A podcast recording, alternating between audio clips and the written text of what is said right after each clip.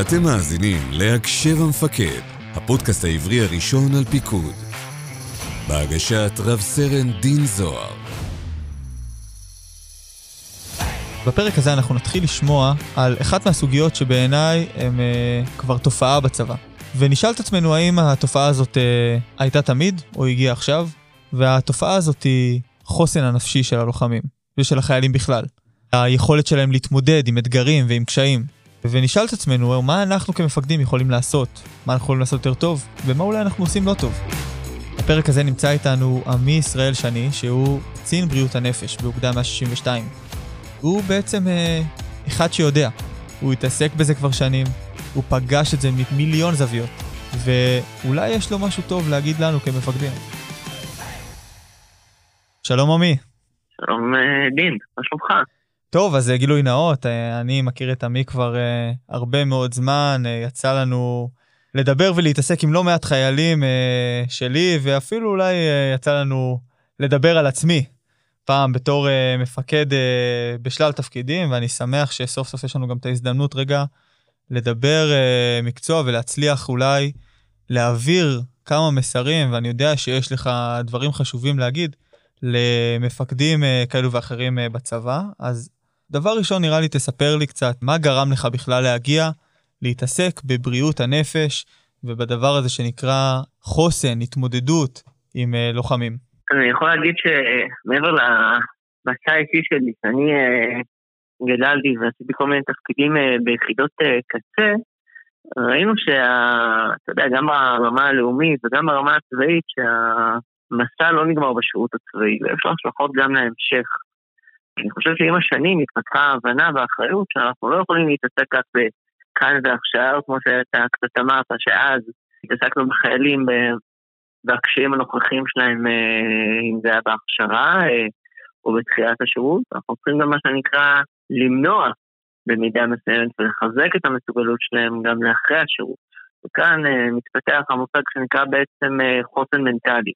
היכולת של אדם להתמודד עם אתגרים לא רק פיזיים, וכמה הוא בכושר, או איך מיומנויות הירי שלו, או כמה הוא אה, מקצועי בפק"ל שלו, אלא גם מה היכולות המנטליות שלו ואיך הן יכולות לסייע לו בעמידה במשימה קרבית למעשה. במגוון תרחישים. מה בעצם בונה חוסן נפשי? בוא נעשה רגע סקירה, מה, מה הם המרכיבים, איך... אה, בוא נתחיל קודם במה בונה, אחרי זה אולי נתקדם לדבר על מה מזהים, איך מזהים את זה. אז בגדול חוסן נפשי אה, הוא מושג אה, קצת ארטילאי, לא סתם. אה, החוסן אנחנו יכולים בעצם למדוד רק אל מול משהו שמאתגר אותו. רק אם יש משבר או אתגר מנטלי מאוד משמעותי, רק אז אנחנו נדע להעריך את חוזקו של החוסן. עם זאת, אנחנו יודעים ממחקרים ומניסיון של שנים שיש כל מיני דרכים לחזק את החוסן הנפשי, במגוון כלים, חלקם מובנים יותר, חלקם מובנים פחות.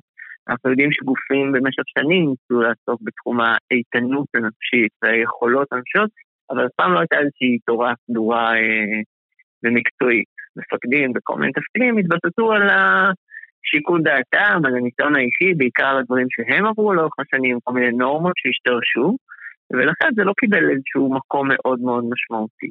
היום אנחנו מבינים שרוב החיילים, בטח במערך הקרבי, נדרשים לפעילות אינטנסיבית, אדריכות מבצעית, לשמור כל הזמן על רמה מקצועית גבוהה, לעמוד בעומס משימות, בין אם זה בתע"ם ובין אם זה בלחימה, ולא פעם גם מטלות מתפרצות, שבהם הם נדרשים להפגין מיומנויות שונות, או אפילו התמודדות עם uh, מצבים uh, מסכני חיים, שמבחינתן בסיטואציות מסוימות זה ממש uh, יום-יום. עם זאת אנחנו מבינים שהאתגר הנפשי הוא, הוא תמיד היה נוכח, יודעים את זה ממחקרים לאורך שנים, אבל ההבנה שלנו היום שצריך יותר היום אה, להתעסק בזה. בעצם חוזן נפשי מבוסס בעיקר בבסיסו על כמה האדם מסוגל להתמודד עם האתגר. אם הוא נפגש איתו בעבר והצליח, כמובן. אם הוא יודע שהוא מסוגל להתגבר על קשיים כאלה ואחרים, גם אם הוא ייפול בהם, מעולה. כמה אדם מחובר ליכולות שלו. זה מצוין שהוא יכול לרוץ לסחוב, לקפוץ במהירות הנדרשת. השאלה אם הוא מודע לזה. המודעות וההבנה של היכולות שלנו מחזקת את החוסן המנטלי שלנו. כי זה לא מספיק לדע, אה, לרוץ מהר, גם צריך לדעת שאתה יכול לרוץ מספיק מהר כדי לעמוד באתגר. ולכן הרבה פעמים הכלים שאנחנו עובדים איתם זה בעצם חיזוק המודעות למיומנויות שאנחנו רוכשים כבר בעצם ההכשרה. מה בעצם אנחנו רוצים לגרום לחיילים שלנו? בבייסיק, אם אנחנו רוצים לפרק את זה לרמת ה... מה שנקרא הכי הכי פשוט, אנחנו רוצים uh, שהחיילים שלנו יבינו שהם מתמודדים עם אתגר והם יתגברו עליו. אם פעם דיברו על uh, לשבור ואז לבנות, חוסן לא נבנה מלשבור מישהו. אם הבינו מישהו כמעט עד הקצה ואמרנו לו, תראה עד איפה הגעת, תראה במה עמדת, תראה מה הצלחת, אנחנו מחזקים את תחושת המסוגלות שלו להתמודד עם אתגר דומה. אם נעבוד ונחזק את המודעות סביב האתגרים, לצורך העניין אי ודאות, היעדר שינה וכו', אך נגדיל את החוסן של האנשים להתמודד עם האירועים האלה גם בזמן אמת. מלחמה. אני שואל את עצמי אבל, בסוף אני לא קצין בריאות הנפש, אני מפקד, אני בשטח, איך אני יכול לזהות? אני בסוף אגב לא הייתי עם החייל שלי 18 שנה, אני לא יודע איזה אירוע בחיים שלו היה יכול לגרום לו לדבר כזה או אחר. איך אני כמפקד יכול בסוף לזהות שהחייל שנמצא מולי עכשיו מתמודד או נמצא באתגרים של uh, התמודדות נפשית, של חוסן uh, נפשי, שזה הבעיה שלו. ברמה הפרטנית, אם אתה תראה חייל נתקל בקושי, אתה תעצור, תתחקר ותנסה להבין מה הקושי שהוא כרגע נתקל בו, והאם הוא מצליח או לא מצליח לעבור עליו.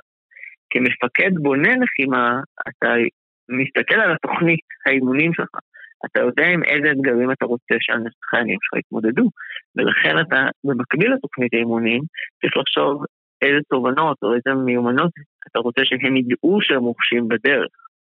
בוא ניקח את הסודאות למשל. אחד מהמאפיינים הגדולים של הסודאות זה להפוך קצת את השעות, לקחת להם את השעון, להשאיר אותם באיזושהי אה, תחושה של חסכים.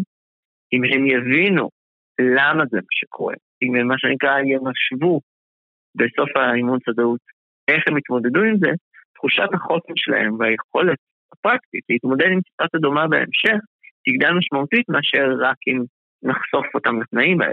כן, אני נזכר בסדאות שאני הייתי חייל. שמה שהעסיק את ה... או לפחות זה מה שאני הרגשתי, כן? אפרופו מה החייל מבין. אני הרגשתי שמה שהמפקדים שלי רוצים זה שבעיקר אני ארגיש שממש ממש ממש ממש קשה לי, וזהו. כלומר, אני מאוד מסכים עם זה. ברגע שאתה לא מייצר שיחה עם החייל ל... מה אתה רוצה שהוא ישיג מזה? מה אתה רוצה שהוא ילמד? מה אתה רוצה שהוא יבין מה... זה שאתה לוקח לו שעון, או זה שאתה אומר לו תאכל מעט, או מה שזה לא יהיה. הרבה פעמים, ברגע שאנחנו לא עושים את זה, פשוט מייצר תסכול אצל החייל, והוא לא מבין כלום, הוא רק מרגיש תסכול, ואולי אפילו אנחנו רק מגבירים את uh, הפגיעה בחוסן הנפשי שלו. בעצם מה שאתה אומר, אתה צודק. שאתה צריכים להחזיק בראש שני דברים. אחד זה הבנה מיידית. יכול להיות שבסוף השדאות, חייל עדיין יצא מתוסכל. השדאות הייתה קשה. גם אם הוא הבין את הרציונל, זה לא הכניס לו דוק לבטן, זה לא גילה לו מה השעה ביום.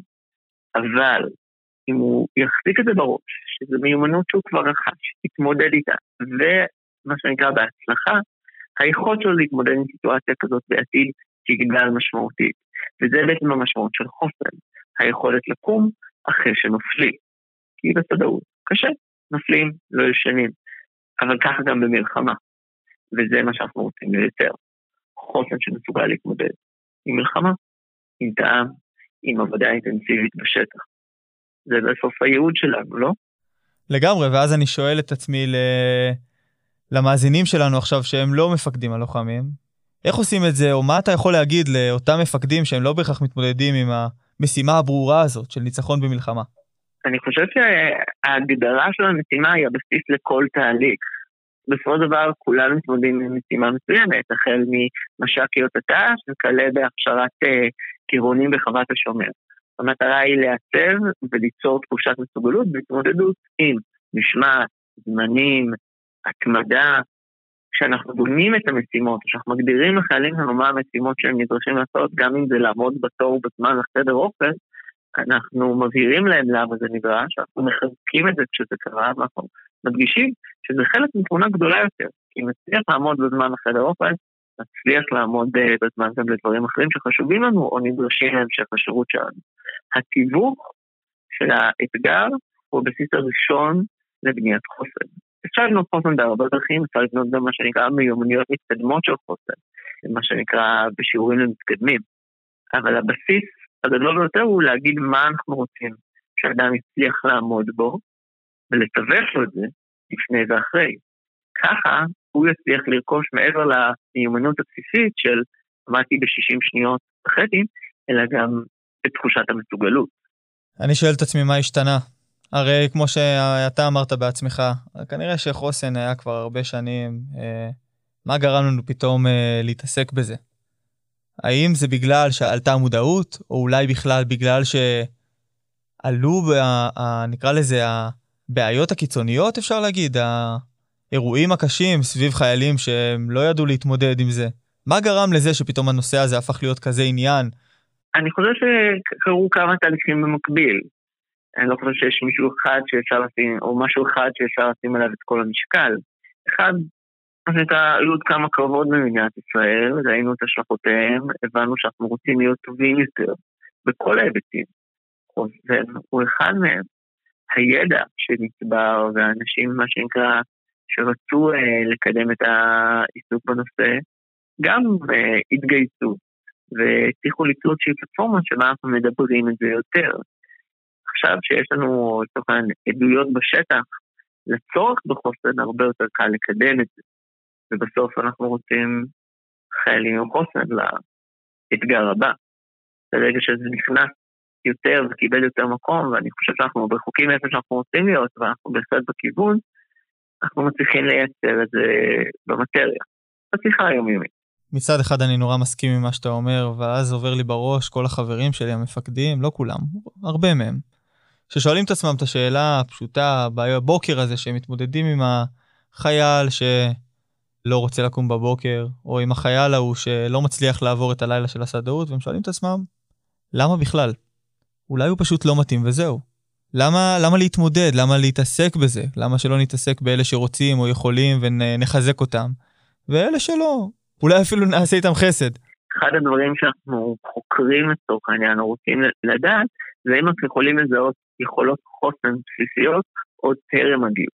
אנחנו כרגע בשלב די ראשוני ויש מחקרים על הנושא, אבל עוד, לא, עוד אין לנו את השיטה לזהות בוודאות את האנשים שיש להם יותר או פחות חוסן. יש לנו כרגע תהליכי הגיוס. בשדה כל דילמה עומדת בפני עצמה. ומפקד יצטרך להכיר את החיילים שלו, להכיר את המשימות שלו, יצטרך מה שנקרא להתאמץ בזה, ולקבל החלטות בזמן אמת. זה נכון להכשרה, זה נכון גם למלחמה.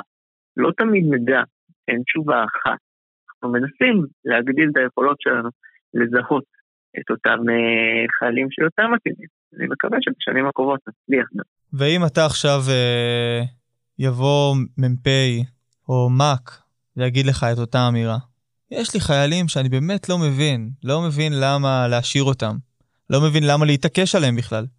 הם לא מתאימים, קשה להם, מאתגר להם מדי. למה, למה בכלל להתעקש? מה תגיד להם?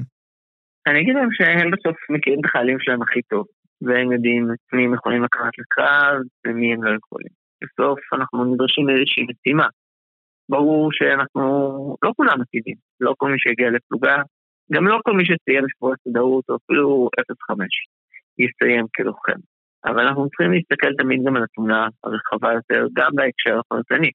העובדה שמישהו קשה לו ברגע אחד, לא אומר שהוא לא נבנה מזה ויכול להמשיך הלאה. אנחנו צריכים להצליח לראות גם נקודתי וגם את היום שאחרי.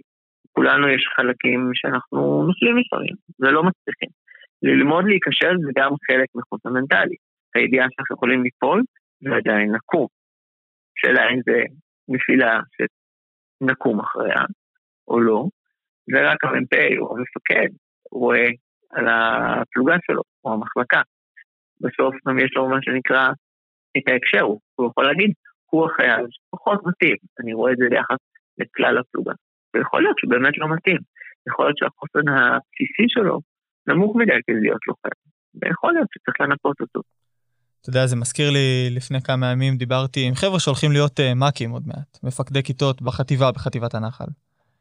ואחד מהדברים שדיברנו, וזה נורא הטריד אותם, איך באמת אתה מזהה את הדברים האלו? כלומר, איך אתה בתור מפקד, מפקד צעיר, אתה בעצמך עוד לפני שנייה היית כמוהם, כנראה שאתה לא כזה רחוק מהגיל שלהם, ובינינו אגב, כנראה שהמאפיינים לפעמים לא כאלה שונים, אני כמפקד ביני לבין החיילים שלי. וכשדיברנו אז אה, אמרתי להם שאולי אחד האתגרים הכי גדולים שיש למפקד, ואולי הדרך הכי טובה להצליח לזהות בצורה מדויקת ונכונה מה עובר על החייל, זה אחד התשובות הכי פשוטות שיכולות להיות, ואנחנו לפעמים קצת שוכחים את זה. וזה פשוט להכיר את האנשים שלנו. כלומר, ברגע שאנחנו מכירים את האנשים באמת, זוכרים שהם חיים כבר 18 שנה, זוכרים שהם חברו, עברו חוויות, ואנחנו מכירים אותם, ואנחנו שומעים מה עובר עליהם, ויודעים מה קורה ברגע שהם אה, לא נמצאים אצלנו, אלא הם נמצאים בבית עם המשפחה או עם החברה או עם החבר או עם מה שזה לא יהיה. ברגע שאנחנו רואים את התמונה השלמה על החייל, אז כבר היכולת שלנו והביטחון שלנו לקבל החלטות, כמו שאתה אומר, מה שנקרא, הביטחון שהחושים שלנו הם נכונים, האם החייל יכול, מסוגל, לא מסוגל, צריך, לא צריך, החושים האלה יהיו יותר מדויקים, יותר נכונים, יותר צודקים בסוף, אם נדע שקיבלנו אותם, או הרגשנו אותם, כי אנחנו מכירים את החיילים שלנו טוב. ואני רוצה לשאול אותך, מה לדעתך הטעויות, ה... אתה יודע, אתה בסוף ראית הרבה מאוד מפקדים, והרבה מאוד סיטואציות, ופגשת הרבה מאוד חיילים. מה בעיניך, מה אתה רואה שהמפקדים שלנו, שאנחנו עושים uh, כטעויות הרבה פעמים? אני חושב שמאוד מאוד uh, קשה לקטלג את זה. אבל אני, דיבר, אם דיברת על התמונה השלמה, התמונה השלמה היא כפולה. כל חייל הוא עולם ומלואו, הוא חי 18 שנה, הוא בא עם המשפחה, הוא בא עם הכוחות שלו, והאכזבות שלו, והקשיים שלו, אבל בו זמנית הוא גם חלק מתמונה גדולה יותר. כיתה, מחלקה, הכשרה, מעבר למה שהוא מביא את הבית, יש את הדברים שהוא מקבל מאיתנו. אה, מוטיבציה וערכים ויעדים, ובו זמנית המפקד צריך לראות אותו גם וגם. גם את הפרט וגם אותו כחלק מהמשוואה הגדולה יותר שנקראת ההכשרה. מי שמסוגל לראות את שניהם, יצטרך להגיע לתשובה טובה יותר בעיניי. הרי אנחנו כאילו מנסים לעשות פה מתמטיקה, למרות שהחיים הם לא בדיוק, ובכל זאת. יש כאן סוג של משוואה. משוואה בתוך משוואה. החייל, יש שיגידו שהוא נעלם, והכשרה. כיתה, מחלקה, כוחות, יעדים, מוטיבציה, גאווה, זהות, זה דברים שנבנים תוך כדי. אם אנחנו רואים אותם מתגבשים בתהליך, יהיה לנו לוחם ואפילו מפקד בהמשך. אם אנחנו רואים שהם לא, אנחנו צריכים לעשות עצירה ולחשוב. אתה חושב שחייל שחווה אתגרי חוסן אה, קשים בתחילת השירות שלו, יכול לראות את עצמו בהמשך במקום אחר לחלוטין, ואולי אפילו מפקד? אם נסתכל על זה, אם אדם יוצא עם תחושת מסוגלות אחרי אתגר, הרווחנו.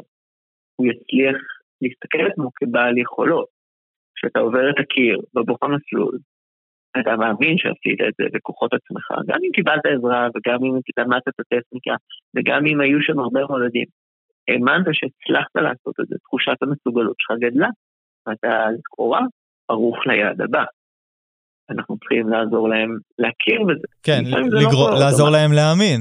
אפרופו מה שדיברנו על התיווך, להראות להם, להראות להם אה, ברגע שהם מצליחים. לפעמים אתה, אותם חיילים חווים הצלחה, אבל הם לא מרגישים את זה, הם לא מזהים את זה. ושם באמת נכנס התפקיד של המפקד. נכון, ובזה בעצם התחלנו. אדם צריך להבין או להכיר מה הקיר הזה עשה לו, איך הוא התגבר עליו ומה זה נותן לו להמשך. אם אנחנו ממש נסכם את זה, נחדד לו, נזכיר לו שזו מיומנות שהוא עכשיו ייקח אותה הלאה, הוא יהיה מסוגל ליותר בהמשך, יהיה לו גם יותר כוח ורצון ומוטיבציה לאתגרים נוספים. הוא יראה מה הוא כבר עבר ומה הוא קיבל מזה. אחת כמה וכמה, לאתגרים אחרים שלא קשורים, אבל ישחזרו את אותו תהליך פנימי של ראיתי בעיה, חשבתי שאני לא יכול, תזכירו לי שכן, ואני אצליח. תגיד, איזה גורמים יש uh, בצבא? יכול להיות בעלי תפקידים, יכול להיות uh, תשתית כלשהי, מעטפת, כל דבר כזה או אחר, שיכולים בסוף לעזור לי כמפקד. לפעמים אין לי מספיק את הידע, או אני לא מספיק uh, מבין, או שיש לי את הזמן, או אולי בכלל הנושא, ש... או מה שעובר על החייל הוא קצת גדול ממני לעיסוק שלי כמפקד. מה, בוא רגע נפרוס uh, בקצרה על המפקדים שלנו, מה, מה הם יכולים להשתמש בו? למעשה, הגורמים הבסיסיים הם אותם גורמים. המפקדים שלצידי, המפקדים שמעליי, אנשים שיש להם ניסיון דומה בהתמודדויות כמו שאני מתמודד איתם, הם תמיד יכולים להיות רלוונטיים. חוץ מזה יש גם אנשי מקצוע בתחומים השונים, רפואה, בריאות הנפש, גורמי הכשרה מקצועיים, קצינות uh, בתחום ההדרכה והקליעה, לכולם יש ניסיון בתחום בו אתה רוצה לדבר עליו. חייל מתקשה לראות, או מתקשה במיומנות אחרת, הרבה פעמים יחד עם העשייה הפרקטית יש גם היבט מנטלי. המודעות היא מה שנקרא כל מקרה לגופו, וצריך לבדוק את זה תמיד מול הגורם המקצועי. אם אנחנו רוצים לבנות משהו, זה מה שנקרא יעד, אז בענף בריאות הנפש, אה, במחלקת בריאות הנפש למעשה, יש את ענף כושר נפשי, שזה תחום העיסוק שלו. הוא בעצם בונה תוכניות שמגדילות את הכושר הנפשי ואת החוסן של החיילים. הוא יכול לעשות את זה נקודתית ליחידה, ויש דברים שהוא עושה בראייה רחבה יותר. השאלה היא תמיד מה הצורך. לא תמיד ברמה הנקודתית של מחלקה או פלוגה ספציפית, אנחנו יכולים לרדת את הרזולוציות האלה, אבל בהחלט אפשר להתייעץ גם עם קרבן היחידה, אם יש לו ניסיון אה, בתחום, הוא יכול להועיל. יש כלים שעוזרים למפקדים לבנות את החוזר היחידתי בהתאם לצרכים הממוקדים, אבל כדי לעשות את זה מובנה, צריך להיות פנוי לזה. צריך להשקיע בזה כמו בכל דבר. אי אפשר לעשות אימון מורכב בלי הכנה. כן, זה... חשוב להגיד שיש הרבה דברים שאנחנו יכולים לעשות בגרשיים על הדרך, אבל עדיין בצורה טובה, כמו שדיברנו, לתווך את האתגרים שהחיילים מתמודדים איתם. אחד מהדברים שאני מבין אה, דרך השיחה שלך לפיקוד הזוטר, זה שאולי הוא לא, אה, לא עכשיו יושב עם אה, מערכי אנשי המקצוע וההדרכה ולבנות דברים, אמרת פה משהו שאני הייתי חורט אותו לכל מפקד כיתה. ברגע שתתכננו רגע את הדברים לעומק, תבינו מה אתם רוצים להשיג, לפעמים הדבר הזה לא ייקח מכם בסוף יותר זמן, או עיסוק מעבר למה שאתם עושים עד עכשיו. פשוט יגרום לכם להתייחס לזה במה שאתם כבר עושים. אנחנו כבר uh, עושים את המטווחים. לגמרי בתוך המטווחים אתה יכול להתעסק בזה. אתה יכול uh, לעסוק בזה עם החיילים שלך. זה לא חייב להיות עוד איזה זמן, עוד איזה כמה שעות בלוז, שאנחנו ישר מרגישים שאין לנו ושאנחנו לא נצליח לעשות ושאין לנו את הידע. לפעמים זה פשוט צריך להיכנס כחלק מהיום יום שלנו, כחלק מהדברים שאנחנו כבר עושים, והסוד הוא פשוט לחשוב על זה רגע לפני זה. וברגע שאנחנו גם מכירים את החיילים שלנו טוב, אז אנחנו יודעים להתאים בין מה שאנחנו רוצים לבין מה שאנחנו עושים בפועל. אני חושב שזה מדהים, כי בעצם מה שאתה אומר זה שנכון, צריך לעשות דברים גדולים, הם דורשים השכלה, אבל מה שבאמת אפשר לעשות הוא כל כך נגיש, פשוט צריך לזכור אותו. לא לסיים אימון או תרגיל או כל דבר, בלי לעשות איזושהי תפיסה של לא רק מה למדנו, אלא גם מה אנחנו לוקחים מזה ולמה עשינו את זה. וזה נכון לתכנון וזה נכון לסיכום. אני חושב שזה ה basic והדבר החשוב שכל מפקד בכל תחום צריך לקחת. עמי, יש משהו שחשוב לך להגיד אה, לנו כמפקדים? אני חושב שחשוב מאוד לזכור שבסוף זה הכל חלק ממשהו גדול יותר. בסופו של דבר, אנחנו יכולים להשקיע המון בחיילים שלנו, אבל לפספס אותם, כי לא נעשה להם את הדברים האלה. אם אנחנו רוצים לבנות את המחלקה ככשירה, לא רק במיומנויות שלה או בכושר שלה, אלא גם בחוסן שלה, אנחנו חייבים לזכור את זה כיעד. כי בסוף מחלקה טובה רק אה, על פי החוליה החלשה שלה. אנחנו רוצים לבנות את כולם, או את כולם, איך שזה יסתכלו. עמי, תודה רבה רבה על הזמן שלך. אני לא יאומן איך מכל שיחה שלנו אני לומד עוד ועוד ועוד, אז uh, תודה רבה על הזמן ולהתראות. תודה רבה לך, להתראות. טוב, אז uh, תודה רבה לכם שהאזנתם לנו. אתם מוזמנים להמשיך להאזין לנו בספוטיפיי, הקשב המפקד, פודקאסט למפקדים על פיקוד. נשתמע בפרק הבא. ביי.